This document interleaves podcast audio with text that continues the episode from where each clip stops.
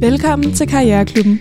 En podcast, der hjælper dig med dine personlige udfordringer i karrieren. Mit navn er Karoline Rosmeisel, og jeg er dagens vært. Og nu har jeg fået besøg af tre panelister. Velkommen til alle tre. Mange tak. Tak. Vi starter lige med, at I præsenterer jer selv for, øh, for lytterne, og vi kan måske starte med dig, Isabella. Jamen, jeg hedder Isabella. Jeg er medstifter og direktør af en startup virksomhed, der hedder Focalex. Mm. Vi øh, skærer økonomiske tab i forbindelse med biloverleveringer ved at bringe AI-drevet transparens til bilbranchen. Og helt konkret så har vi udviklet en software, der hjælper med at opdage skader på biler og på den måde afdække bilens stand. Når den skal overleveres, det kunne for eksempel være ved en billeje-situation. Mm. Hold da op. Det er, øh, det er teknisk. Det er meget teknisk. Ja. ja. Vi kan fortsætte med dig, Lasse. Jamen, øh, jeg hedder Lasse Finderup. Jeg er i spidsen også for en startup, øh, der hedder GoodTape, hvor vi har brugt kunstig intelligens til at automatisere alt, der hedder sådan, transkriberinger og sådan. Mm. Øh, vi er lige under et år gamle, så vi er stadig ret nye. Øh, og så tidligere har jeg startet to rejsevirksomheder. Mm. Så sådan entrepreneur. Helt Så ind også startup. Øh, Total startup. ja. Ja. Hele vejen. Og Amanda. Mm. Jamen, øh, hej, jeg hedder Amanda Bodenhoff, øh, og som mit øh, efternavn måske afslører, så, øh, så er jeg en, en del af bagerfamilien Bodenhoff. Øh, vi har øh, 10, snart 11 butikker i København og sælger en masse bagværk. Jeg sidder som marketingchef, lyder så, øh, så fint, laver også alt muligt andet, som man jo gør, når man er selvstændig, så det er egentlig bare sådan en af mange kasketter, men øh, den jeg lige har fået på, når, jeg- når jeg lige skal præsentere mig selv. Mm. Og så øh, er jeg også redaktør på Tipsbladet, og øh, laver sport, fodbold hovedsageligt. Så øh, to En meget forskellige ting. Bagværk og fodbold, det, det er fedt mix. Virkelig, ja.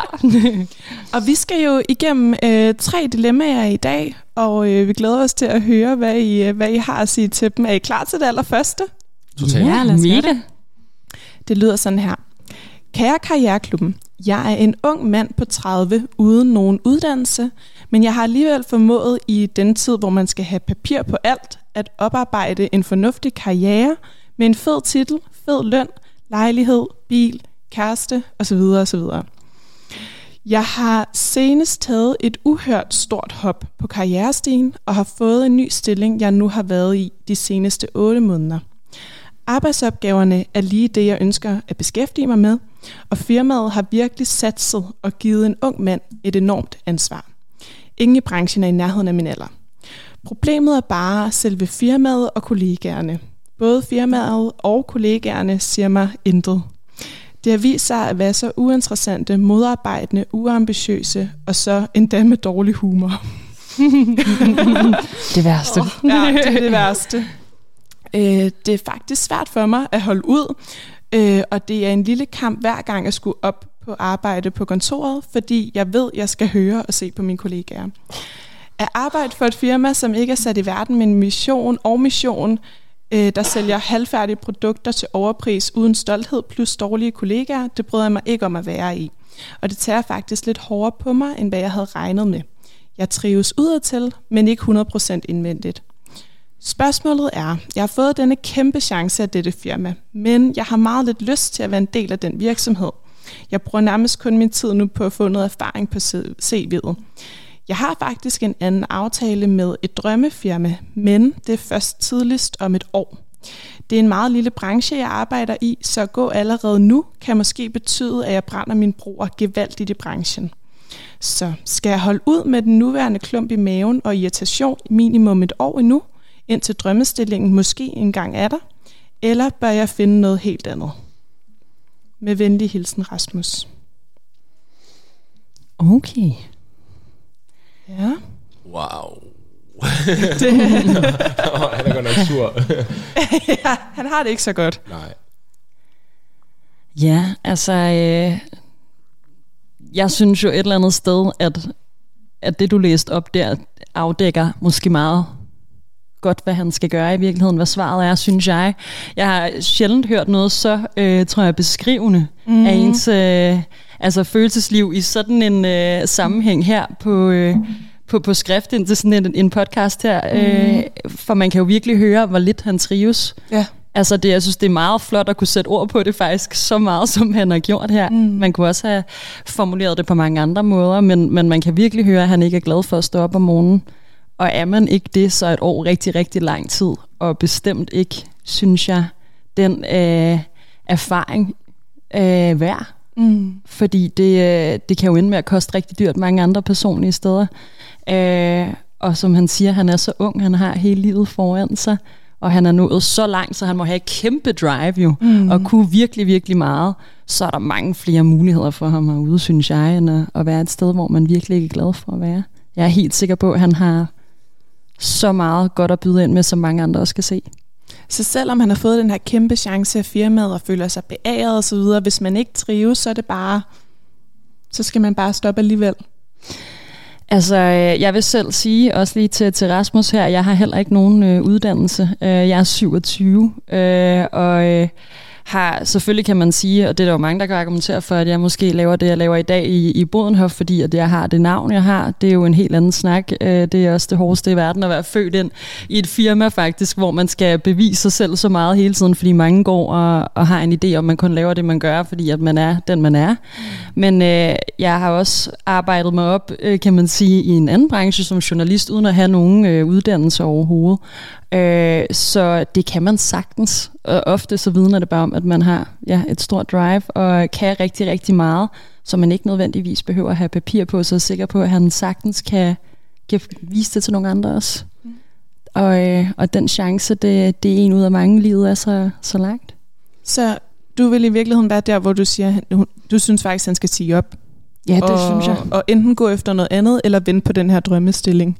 Ja, Ja. 100 procent, eller prøve at prikke den på skulderen. Nu ved vi ikke, hvorfor der kun er et år øh, til, at han, øh, eller at der er et helt år til, han kan starte, men at sige, prøv her, jeg har det sådan og sådan, måske være ærlig omkring det, sige, jeg trives ikke, men jeg vil så gerne det her, kan, kan, vi, kan vi finde ud af noget allerede nu, eller ja, at de måske har forståelse for en situation, også hvis han siger, at han, han stopper der, hvor han gør nu. Mm-hmm. Jeg synes også, det er en kæmpe styrke faktisk, at kunne, kunne sige fra, hvis man ikke trives. Ja.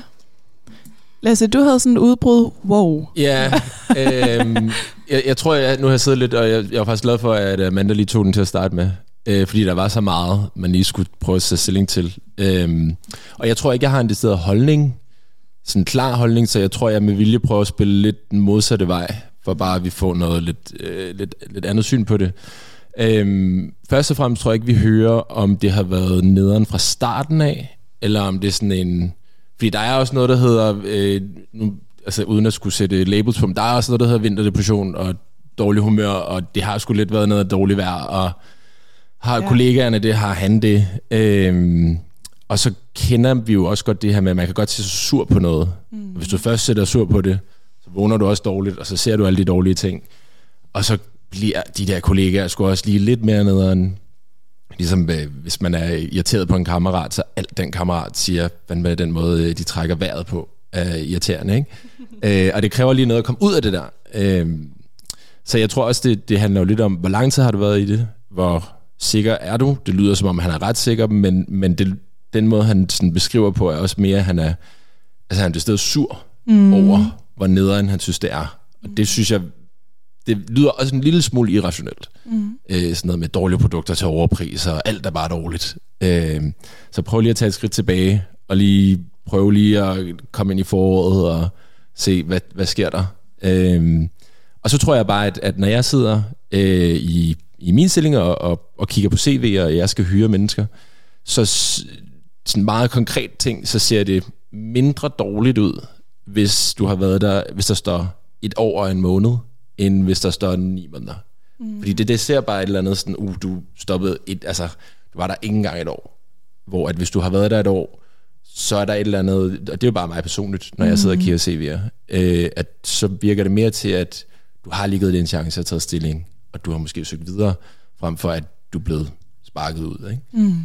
Øhm, så jeg tror, at altså jeg vil i hvert fald give det til de der 12 måneder der, og så bare altså ikke silent quit de næste tre måneder, men altså lev, lev for øh, weekenden, ikke? Øh, mød klokken 9 og gå klokken 1659. Okay. Øh, Men han har været der i 8 måneder nu, så du synes lige, han skal give det et år? Ja.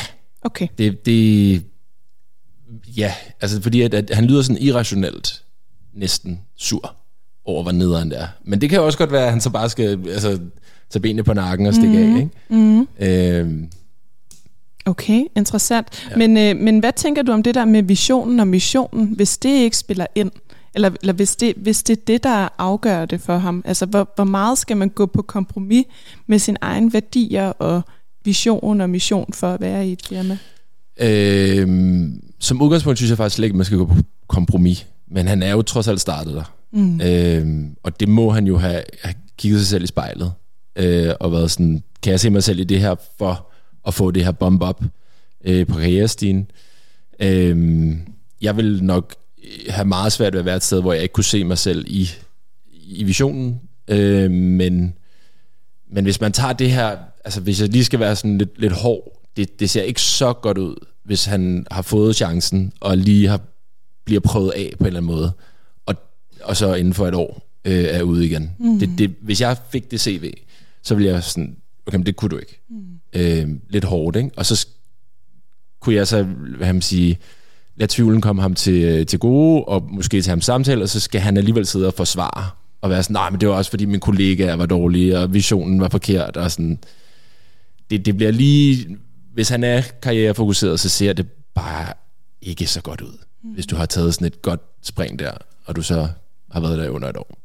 Jeg tror også, at jeg vil helt sikkert mene, at han skulle finde noget andet. Jeg tror ikke, jeg vil stoppe bræt. Mm. Nej. Altså, jeg tror virkelig, at jeg vil gå ud og afsøge de andre muligheder. Måske lige prikke dem på skulderen. Han har en, en, en, ja, en dialog med i forvejen omkring et muligt job, og lige snakke med dem, eller så søge andre steder hen i branchen. Jeg vil heller ikke gå ud og, og, og stoppe, for det er rigtigt, det ser ikke særlig godt ud på tv, og det vil jeg også selv lægge mærke til, hvis det var mig, der skulle ansætte. Mm. Øh, selvom jeg også vil, tror jeg faktisk, have en stor respekt for, hvis vedkommende over for mig, så jeg er faktisk stoppet af de her, de her grunde. Helt sikkert. Øh, så det kan man jo også gøre, hvis han vælger det. Hvad, hvad tænker du, Isabella? Du har ikke været på banen endnu. Nej, jeg synes også, den er svær, Mm. fordi at der er så mange elementer i det her. Og på den ene side, så siger han jo, at han er rigtig glad for sine opgaver. Han er rigtig glad for den rolle, han har, de muligheder, han har fået. Og det er jo værd rigtig meget. Mm.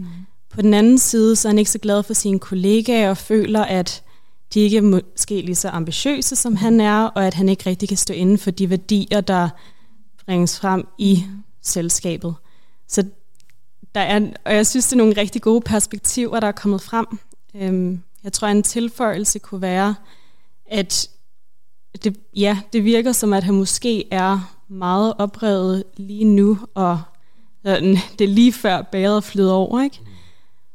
Man skal også bare være opmærksom på, at man skaber sin egen virkelighed, så han vælger jo at se de øh, kollegaer, han har, der ikke er lige så ambitiøse. Mm. Han vælger jo, det, det virker for mig som om, at han ikke vælger at forholde sig til dem, der er, fordi at det må der være i stort selskab, og der er en af få spillere i en branche, og der har kunnet tilbyde ham det her mulighed osv., og der har set det potentiale i ham. Der må være nogle positive ting, som han ikke får øje på, kvad det perspektiv, han har lige nu.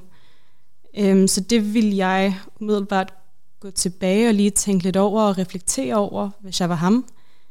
Men hvis han overhovedet ikke kan stå inden for missionen, som virksomheden står for, for, så er det selvfølgelig også rigtig svært. Men igen, som Lasse siger, det har han jo kunnet tidligere, så hvad har der ændret sig? Mm.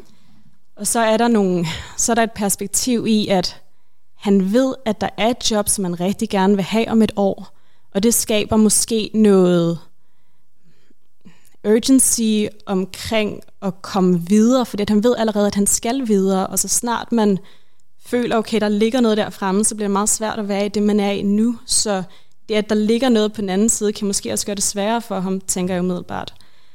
Og så er han allerede videre ja, simpelthen han faktisk. er allerede videre ja. mentalt, og derfor er det nemmere for ham at retfærdiggøre og se de ting, han gør nu i et negativt perspektiv. Kunne man måske forestille sig, nu antager jeg selvfølgelig Mm, bare ting, ja, ja, men ja. sådan har jeg det umiddelbart selv, hvis, jeg, hvis der er noget, som noget andet, som jeg skal frem til, der egentlig ikke har så meget med den arbejdsplads, jeg er på, eller så videre. Jeg tror, jeg, jeg ville synes, det var rigtig svært at vide, at jeg skulle videre, øh, uden i hvert fald at have en plan for, hvordan det, jeg gør lige nu, spiller ind i det. Så Mm, jamen, der er noget med det der med, den dag, man siger op, der ligger man arbejdet fra sig. Ikke? Altså, sådan, der er det ikke fordi, at man, så skal man være der i noget ekstra tid, men, men motivationen er måske faldet lidt, så det kan være, det er sådan, han har det faktisk. Muligvis. Ja. Altså, det er jo svært at spå om, ikke? Mm. Altså, vi kender ham jo desværre ikke. Øhm, og så er der også et perspektiv i, at hvis han skal ud og finde noget, som han så skal have i et andet, som han skal have i et år fra nu af, hvordan bliver det så? Bliver det den samme type situation, fordi at han alligevel videre i sit hoved allerede? Er der noget mere, han kan få ud af det, han er i nu? Men jeg synes, den er svær. Mm. Altså, det gør jeg virkelig. Ja. Fordi at han er så emotionelt påvirket, tydeligvis, af den situation, han står i lige nu. Hvilket jeg også kan, godt kan forstå. Jeg har selv stået i lignende situationer, hvor jeg har følt, at jeg ikke kunne rykke mig videre der, hvor jeg var, måske fordi, at jeg ikke fik den sparring, jeg skulle bruge, eller og jeg gerne ville noget mere, men han får så også muligheden for at gå den ekstra mil mm. med de arbejdsopgaver, som han har fået nu.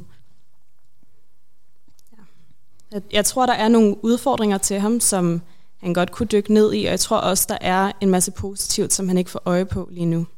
Så du er faktisk der, hvor du tænker, at han skal også arbejde en lille smule med sig selv og sit mindset faktisk, altså på lige, hvad, er der egentlig ikke også noget positivt her at hive fat i, fordi det kan godt blive meget sådan sort, sort scene. Altså der må der også være nogle positive ting her, som han kunne få øje på.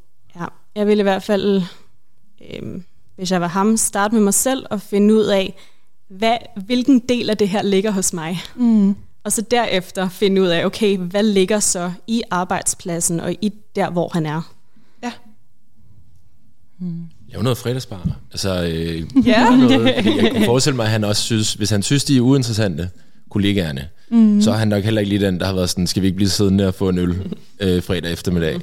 Og nogle gange kræver det bare lige, at man lige giver det den der ene chance, så finder du ud af, at du er faktisk øh, tidligere verdensmester i strikning, eller et eller andet helt syret, hvor er du nice. øh, men det kræver lige, at man faktisk sætter spacet til det. Ikke? Øh, og hvis han specielt er kommet ind i en lederstilling, så er det jo også det er jo ikke nødvendigvis hans ansvar, men man, han kan jo godt tage ansvar for den kultur, han kritiserer. Mm. Øhm, og det synes jeg bare, at man skal, det er ret nemt i virkeligheden at bare gøre ting. Altså at være sådan, hey, jeg har købt øh, en ram cola. Øh, lad os se, hvem der kan drikke flest. Dårlig forslag. Øh, men altså, gør noget. Ja. Øh, fordi det, det virker til, at han sidder og, og, og surmuler. Okay. Øh, for at være helt ærlig. Men det kan også godt være, jeg tror bare, han ville have nævnt det, hvis han havde prøvet at gøre nogle ting. Sådan, jeg har prøvet at spørge, om vi skal til at spise, eller et eller andet den stil. Mm. Øhm, og så tror jeg, at den sidste ting er, at det lyder til, at han stadig kan lære helt vildt meget. Øh, han, det tror jeg selv, han nævner, at nu suger han bare til sig. Ikke?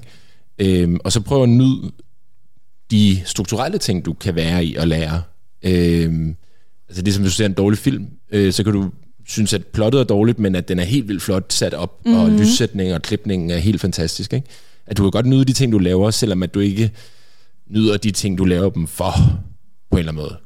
Jeg Hvis man skal prøve at komme udenom, at visionen ikke helt er... Ja. ja, så selvom det måske ikke er virksomheden for ham, så kunne han bruge det som en øvelse til lige at se de positive ting, som Isabella også er inde på. Ja, fordi hvis, hvis, hvis det er rollen for ham, så kan man godt lige sætte sig ud over, at, at den rolle er i en virksomhed. Han, han måske hellere have den samme rolle i en anden virksomhed, mm. men så nyder lige, at du har fået den mulighed. Ikke?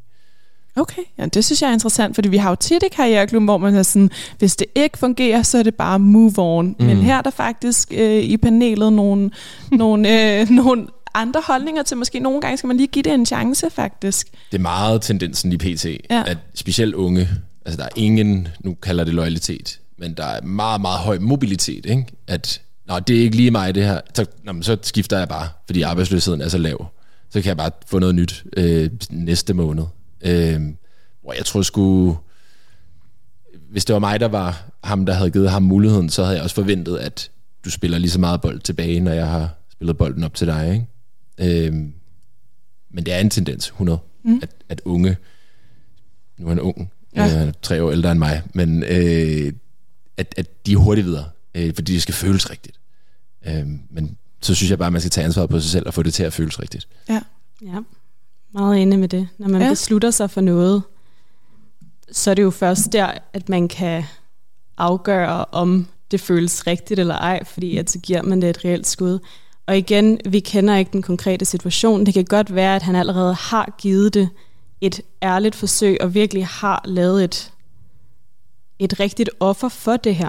Og hvis han har gjort det, så vil jeg altså være totalt enig med Amanda og sige, find noget andet, imens du er i det, du er nu, og kom videre, hvis det slet ikke fungerer. Men, men jeg synes, det er værd at give det et skud og kigge lidt indad og lige finde ud af, er der noget, som han kan gøre der, hvor han er nu, og overvej den overvindelse, han så vil have med sig, når han kommer videre til sit nye job på et tidspunkt. Han ved, så kommer han til at vide inderst inden, at når det bliver tough, så, så er det okay. Mm. Så kan han godt ændre det, og der er også meget, øhm, der er meget autonomi i det, og at vide, at man kan ændre øhm, mm. det, man gerne vil, hvis det nu er at ændre kulturen for eksempel, og sørge for at ja, drikke nogle cola med folk og så videre.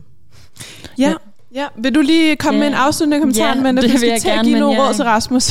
100 procent. Jamen, jeg tror egentlig, at øh, jeg bare lige vil bakke op omkring, at det, jeg synes, det virker meget øh, velovervejet, når man vælger at skrive ind til, til sådan en podcast her. Så tror jeg ikke, det er en, en pludselig opstået idé. Jeg tror, det virker som om, at han har gået og vendt og drejet det i noget tid. Øh, og jeg igen vil jeg bare lægge væk på, nu ved jeg ikke, om det er bare mine fordomme, men mænd generelt, øh, om deres følelsesliv, men han virker virkelig til at være in his feelings her. Altså jeg synes, det var meget, jeg blev meget ramt af, af den måde, han havde skrevet det på. Og det virkede meget inderligt. Jeg tror virkelig sådan, vi sad jo alle, også alle sammen og kiggede meget på hinanden, og var sådan, hold da op, det er virkelig en mand, der mener det, han skriver. Ja. Og det er faktisk meget det, jeg vægter det på, for jeg er meget enig, der er en kæmpe kultur blandt unge med, at sådan, hvis man lige har en dårlig uge på arbejde, så sidder man og kigger efter sit næste skridt, og det er jeg faktisk overhovedet ikke fortaler for overhovedet, men hvis man har det så At det rammer ham så meget. Ja. om, om morgenen, som Ja. ja. det virkelig virker til, så synes jeg virkelig, livet er for kort til at, at være der, uanset hvad. Og han virker som en, der, øh, der kæmper for tingene, eller så var han ikke der, hvor han var i dag, og derfor synes jeg også, at, øh, at, øh, at det virker til, at han skal... Jeg tror, at det er ret vel overvejet.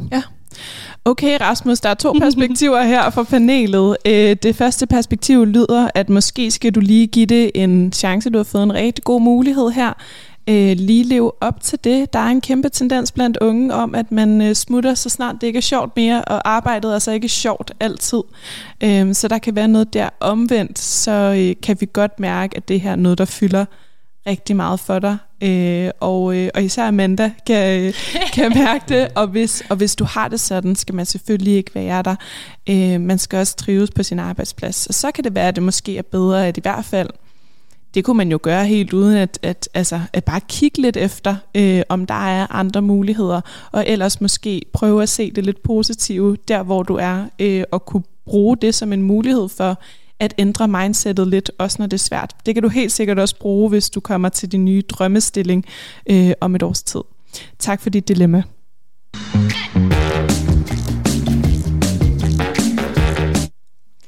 Så er vi nået til øh, det næste lidt dilemma. Er I klar til det? Ja. Ja. Det lyder sådan her. Kære Karriereklubben, jeg brænder i øjeblikket inde med et dilemma omkring min kollega og vores relation som professionelle. Jeg er en ung studentermedhjælper i en bank, hvor jeg har været siden sommeren. Jeg har en kollega, som også er studentermedhjælper, og som jeg har været med til at ansætte. Øh, vi kan kalde ham Frederik. Frederik læser noget teknisk inden for IT, og jeg selv læser en blanding af business og IT. Vi er også lige langt på studiet. Frederik er dygtig til sit arbejde, men alt, der omhandler arbejdet, som ikke direkte er en arbejdsopgave, han kan løse, har han faktisk udfordringer med. Det kunne eksempelvis være at skrive i vores kalender- og mødebookingsystem, om han, er, om han er på arbejde, hvornår øh, det er, og om det er hjemmefra. Han svarer heller ikke på mødeinvitationerne, og er dårlig til at svare på mails helt generelt. Der er lange svartider, hvis der overhovedet kommer et svar.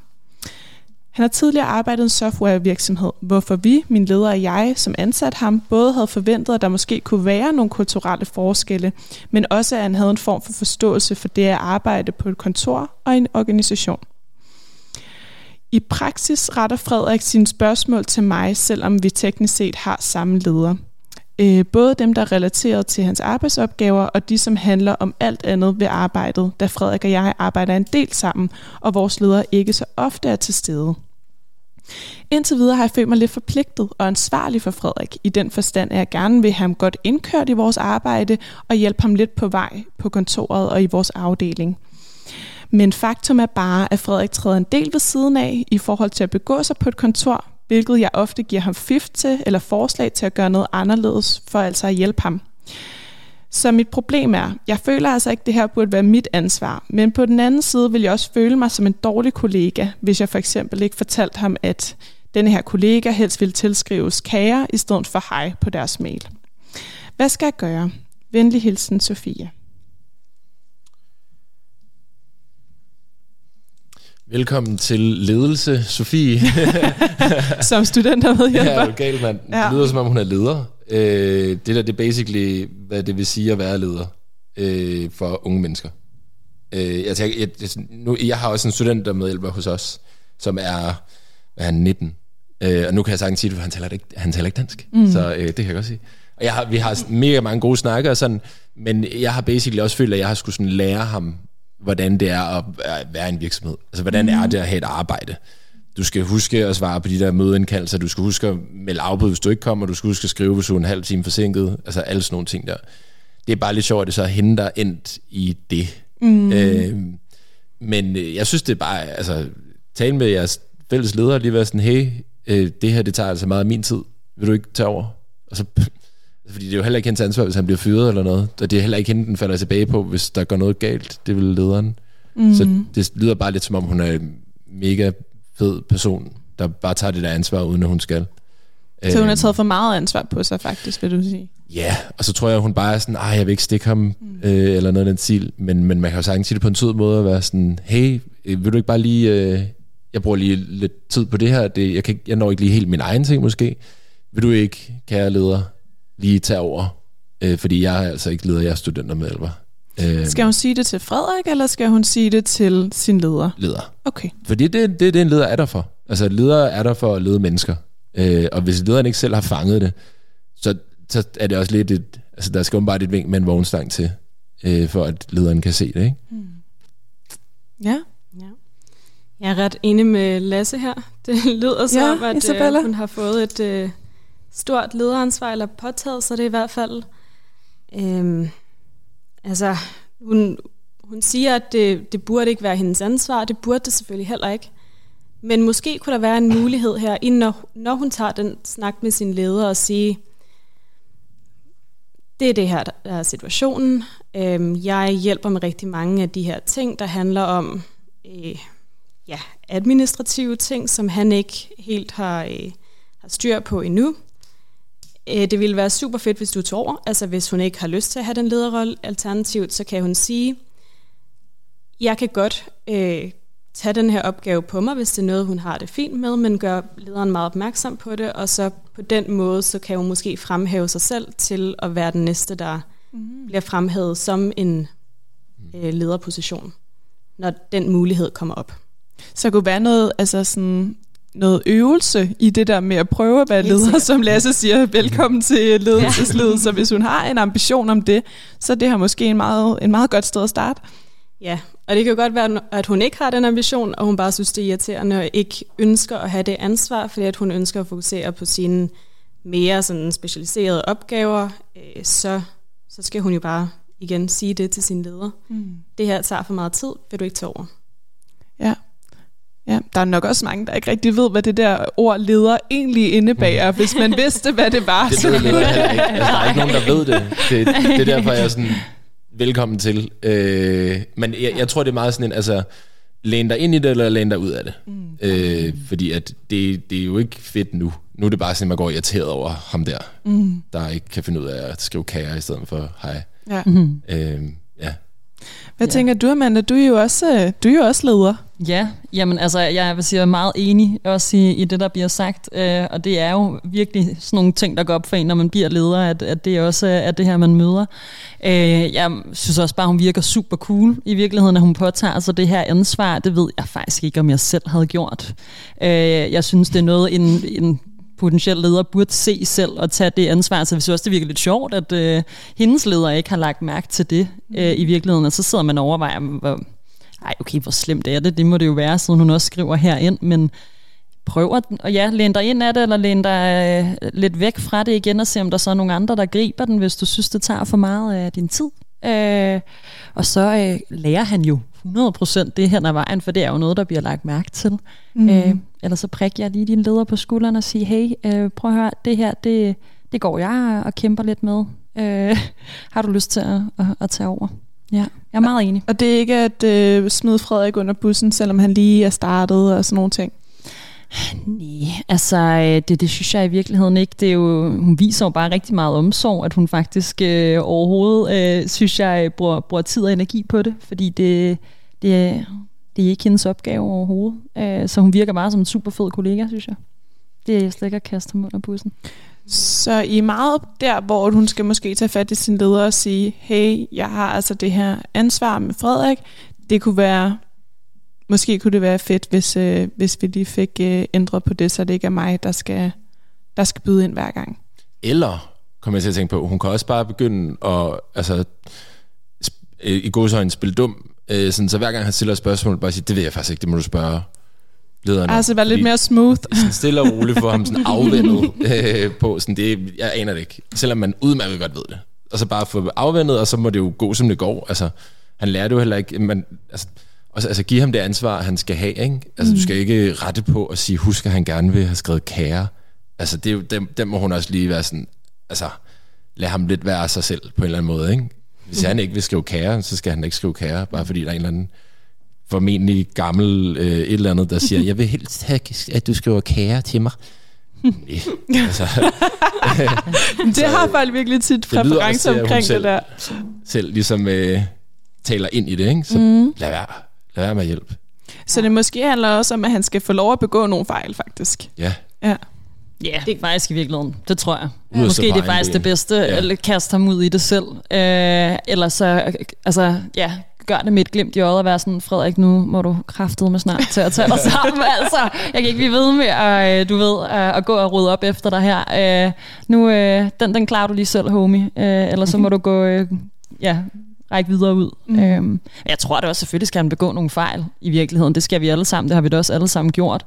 Jeg synes også, det er en meget sjov ting, det der med kære. Jeg skriver aldrig kære til nogen, faktisk. Jeg synes heller ikke, jeg får særlig mange mails, der er med det. Gør I det? Nej.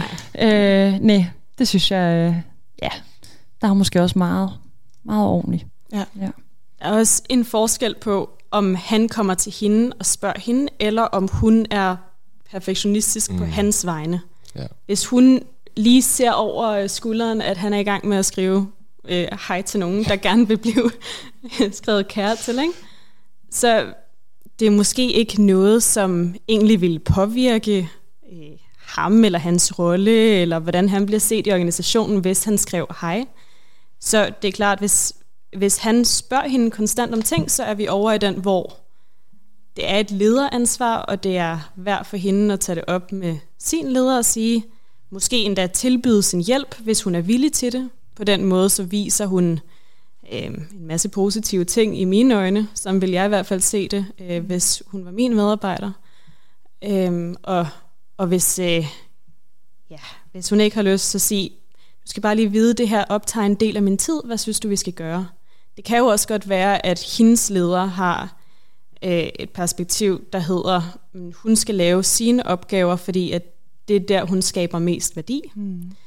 Øh, så det er også bare værd at gøre lederen opmærksom på det, hvis det er over i den boldgade, at, at øh, hvad hedder han, øh, Frederik kommer til Sofie hele tiden. Mm. Ja, Jamen, øh, Sofie, vi har et panel, som faktisk er ret enigt, vil jeg sige. Øhm, ikke, ikke ligesom sidst, men, øh, men nu i hvert fald, at øh, i hvert fald, så, så siger Lasse, velkommen til øh, lederlivet. Det er næsten leder, du er blevet, selvom du er studenter med hjælp, og det er i hvert fald meget den slags opgaver, som man bakser med, når man er leder i en virksomhed. Øh, så måske er det en mulighed, hvis du har en drøm om at blive leder, at lære en lille smule af, af det, fordi der er i hvert fald meget at hente. Når det så er sagt, så tager du et alt for stort ansvar på dig i forhold til, hvad der er din titel, øh, og hvad du måske også skal tage ansvar for. Øh, og der er flere måder, du kan gøre det på, for at aflaste dig en lille smule. Altså, enten kan du hente lidt øh, til Frederik og sige, hey homie, som, øh, som Amanda siger, det skal lige, øh, nu må du altså, jeg kan ikke hjælpe dig hele tiden. Du kan også gå til din leder og sige, du tager det her øh, det her ansvar på dig, øh, og så kan du altså også, som, øh, som Lasse var lidt inde på, øh, bare, bare sige, det, jamen, det ved du ikke, når han spørger dig, fordi så kan det være, at han begynder at spørge lederen, i stedet for at spørge dig hele tiden. I hvert fald, hvis du føler, at det her er en stor øh, opgave, så skal du aflaste dig selv. Det er ikke meningen, du skal tage det her ansvar på dig, hvis du ikke vil. Tak for dit dilemma.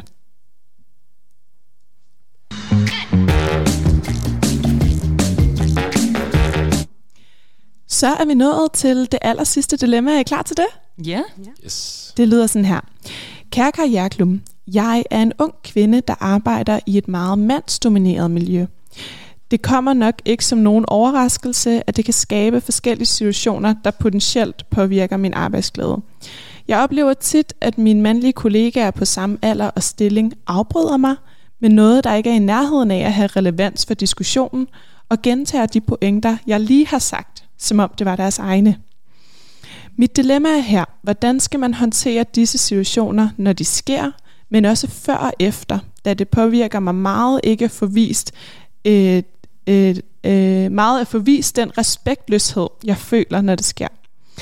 Derudover giver det mig meget nogle negative følelser, som jeg på ingen måde er interesseret i, og det har også fanget mig i at starte møder dårligt ud øh, med negativt humør, når de er til stede. Jeg håber, I har nogle gode råd til, hvordan man kan håndtere den her situation og det mentale aspekt, der følger med. Hilsen Sanne. Ja, Ja, altså... Øh, kender du til det, Amanda?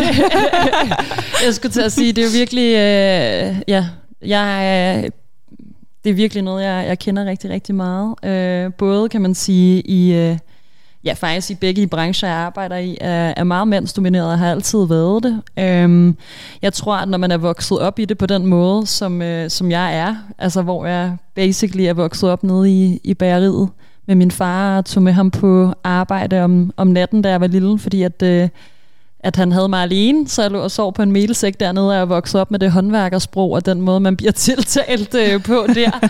så, så, er den, så kan jeg godt mærke, at jeg selv har en, tror jeg, en meget maskulin energi i virkeligheden, og, øh, og har altid fundet mig fint tilpas med det. Men det, øh, det er på en eller anden måde noget, man skal, man skal lære, tror jeg, at navigere i, øh, og man skal ture sætte sine grænser, og man skal ture og speak up, også når man føler, at de bliver, bliver overgået. Øh, der er rigtig, rigtig mange gange, hvor jeg faktisk selv har, øh, jeg har oplevet tit det der med, at du bliver afbrudt med ting, der er virkelig, virkelig ligegyldige, øh, og det kan godt føles, øh, som om man er... Øh, man bliver lidt, lidt øh, overset, hvis det kan give mening, eller sådan at... Øh, at, at, at ja, det, der kommer fra en, måske ikke er lige så relevant, hvis der sidder fem mænd om et bord, og du er den eneste pige, specielt hvis man er ung. Øh, altså alle fordomme på bordet, der, de kom, stammer jo et sted fra, kan man sige. øh, og der bliver man ja. nødt til nogle gange at lige kunne banke i bordet og sige, hey, prøv her, øh, jeg mener sådan og sådan, og så må man tage det, der kommer efterfølgende. Øh, fordi selvom at der er en kultur, der er jo meget, meget mere fokus på det en dag, end der har været, for eksempel da jeg øh, startede, øh, så er der bare, vi er kommet meget lidt langt. Mm. Og man skal være lidt rustet til det, og man skal selv kunne ruste sig undervejs også, hvis man, man arbejder de steder. Det er lidt, det er lidt tough, men man, skal, man kan desværre ikke forvente, at de gør det for en. Øh, selvom at øh, heldigvis er vi på vej i en anden retning, men det mover jo lidt øh, stille og roligt fremad. Ikke? Hvordan gør man så det? Altså, hvordan speaker man op og, og sådan bliver hørt i sådan et miljø? Ja, Jamen jeg tror desværre, altså igen nu er, er jeg jo også selv vokset op i sådan et miljø, så jeg har nok måske nemmere ved det, end andre har, fordi jeg har gjort det fra en tidlig alder. Men, men man bliver simpelthen nødt til nogle gange lige at trække vejret lidt dybt, og selvom det kan jo være, det synes jeg også, øh, virkelig, virkelig øh, angstprovokerende, men man bliver simpelthen nødt til lige at gøre det. Så må man også mærke, hvad er responsen fra mine kollegaer faktisk, når jeg i tale sætter det her. Øh, og man kan godt, jeg er kæmpe fortaler for at gøre tingene med lidt med et glimt i øjet, så det gør jeg ofte også. Det er jo ikke sådan, man kan jo godt lige netop også være sådan, prøv at høre, hey, altså, for fanden da. Øh, er der nogen, der lige gider at høre, hvad, hvad jeg siger herover Eller øh, det var lige præcis min pointe. Eller prøv at høre, John, øh, det her er sgu ikke særlig relevant lige nu, men sådan og sådan og sådan. Og så lige give ham, øh, du ved, et lille klap på skulderen og lige grin lidt, eller et eller andet, sådan, så dem lige får at luse stemningen lidt op, ikke?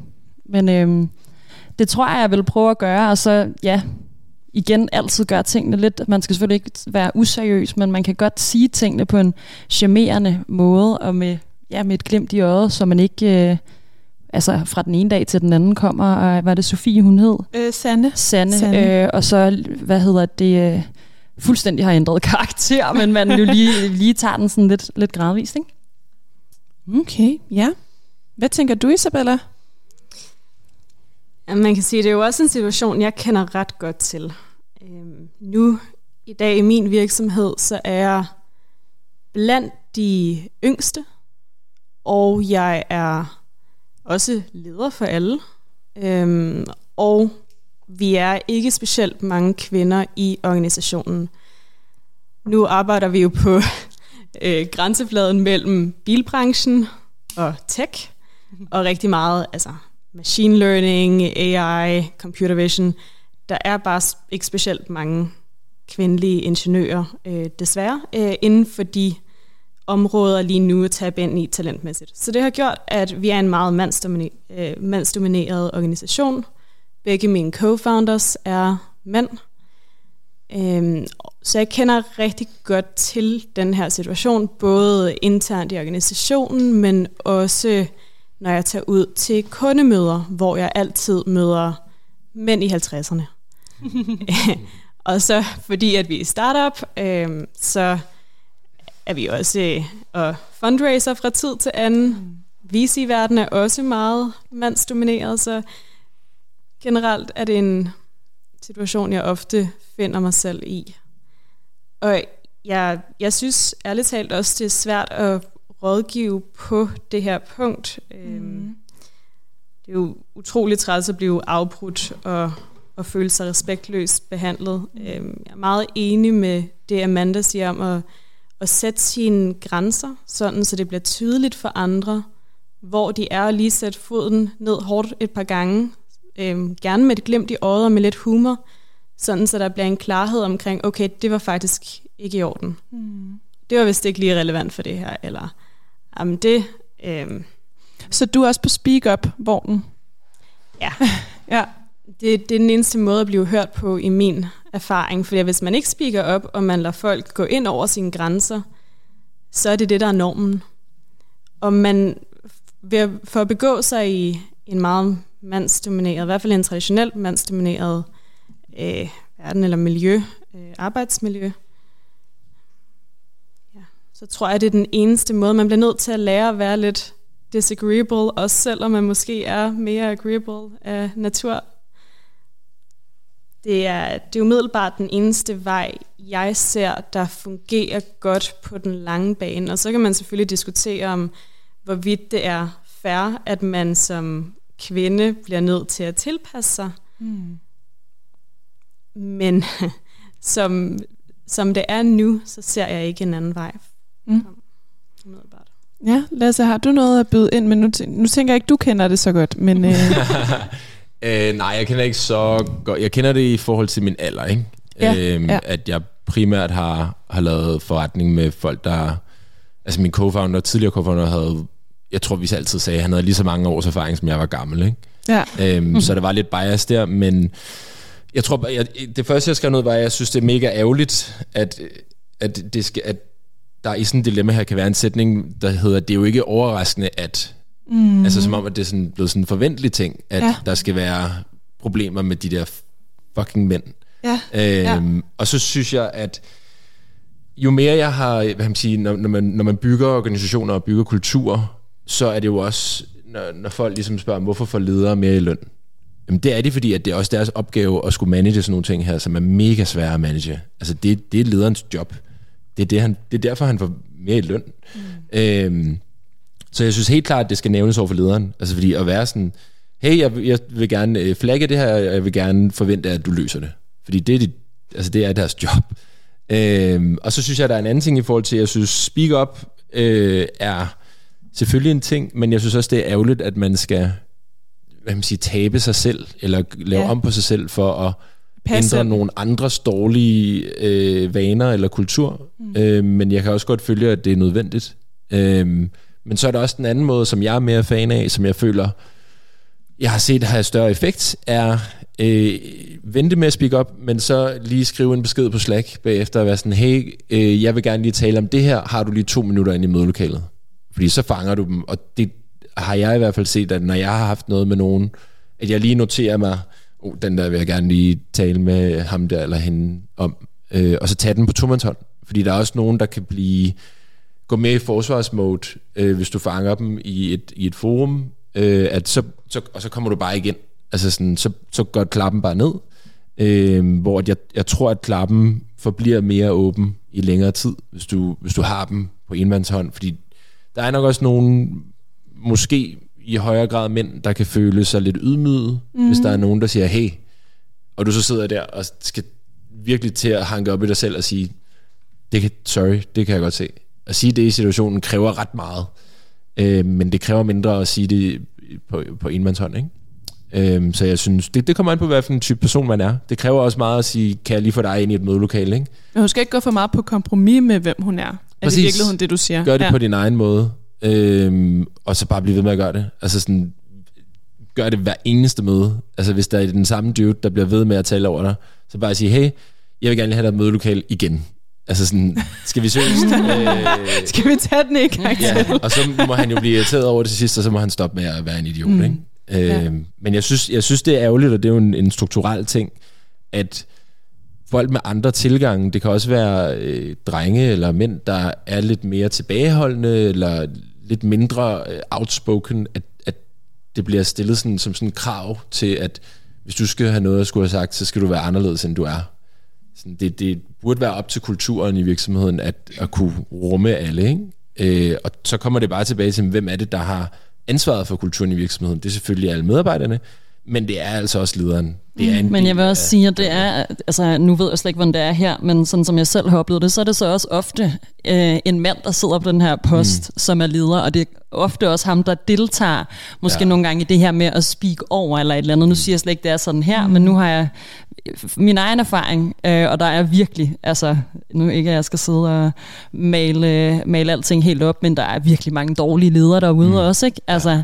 Ja. Og jeg synes desværre, det er sådan, at man tit bliver nødt til at tage det her ansvar selv. Øhm, ikke fordi jeg håber virkelig, det er et sted, hvor du kan gå hen og banke på døren og sige, mm. prøv at høre, jeg oplever sådan og sådan. Øh, det er faktisk, som du siger, dit ansvar at løse det. Det er bare sjældent, at det, ja. synes jeg, man oplever, det virker. Øh, og at ja, at de, de som regel også måske er dem, der deltager i det. Jeg har i hvert fald øh, været på mange øh, arbejdspladser, øh, specielt også øh, når man laver sport og så videre, hvor at det skulle tit er, er den, der egentlig har ansvaret, der sidder og deltager i det. Ikke? Mm. Øhm, og så men, bliver man nødt til at tilpasse sig jargonen og, ja. og sådan miljøet. Og, ja det har jo i hvert fald været min måde at gøre det på. Igen, man skal jo ikke ændre på, hvordan man selv er. Nu er jeg også meget sådan. Øh, så det er egentlig okay for mig. Øh, jeg, har, jeg har så ikke noget imod at speak up. Det kan man ikke forvente, at andre kan på samme måde. Men, men at lære at sætte sine grænser og kunne gøre det både i et åbent forum eller på enmands hånd eller tomands hånd, som det jo hedder, det synes jeg, det kan, det kan rigtig, rigtig meget, og det er ikke noget, man kun kan bruge i arbejdslivet, det kan man bruge mange steder, så det synes jeg faktisk er rigtig vigtigt, og så kan man nogle gange se det lidt som en øvelse i det, mm. fordi det, det møder man også mange andre steder, det kan jo også være kvinder, der er virkelig, yes. virkelig svære at arbejde med. Ja. Altså, det kan også være en ren hønsegård, hvis du kommer ind et sted, hvor der er, sidder en gruppe kvinder, der har arbejdet sammen rigtig lang tid, og du er ny, øh, så kan det være lige så slemt. Og der kan man også få behov for det på et tidspunkt. Ikke? Helt bestemt. Jeg tror, man skal se det som en kompetence, der er værd at opbygge. Ja. Og som man bliver nødt til at opbygge, hvis man har lyst til at være i, i den type stilling, i den type job. Mm-hmm. Øhm, men det sagt, så er der en, et tip, jeg kan give, som er noget, som en af mine medarbejdere kom med, som de havde gjort på hans tidligere arbejdsplads, fordi at der var en af de mandlige kollegaer, der var, så han så meget, meget ung ud. Han var ikke så ung, og han var meget kompetent, men hver gang han satte sig ind i et rum med alle de her mænd, der var en del ældre, og han altså virkelig babyface, mm. så, øhm, så så de ham som mindre kompetent, fordi at han var ung. Så til hvert møde, så vil de starte med at introducere ham øh, på en måde, hvorpå de fik øh, smidt ind, Nå ja, og så var han lige, øh, så lavede han lige det her projekt, og så besøgte han lige den her kunde og sad med dem og rullede ud med dem, eller altså lige for nogle ting ind, som, som demonstrerede hans kompetence. Mm. Så at fremhæve de ting noget mere, sådan så folk, der sidder rundt en, også indser, okay, vedkommende er ikke ukompetent. Mm. Og det kan godt hjælpe situationen. Jeg gør det samme til kundemøder, fordi at jeg netop er ung kvinde, også 27 år gammel, og netop altid sidder som den yngste og den eneste kvinde, så starter jeg altid møder, når jeg introducerer mig selv, med at fremhæve nogle af de her ting, som jeg ved, at de vil respektere, dem jeg sidder i rum med. Måske name dropper. Nogle ting, som jeg ved, at de vil værdsætte. Jeg har været med i karriereklubben. Ja, det kan jeg se nu. Okay. Se min podcast, det bøge, præcis.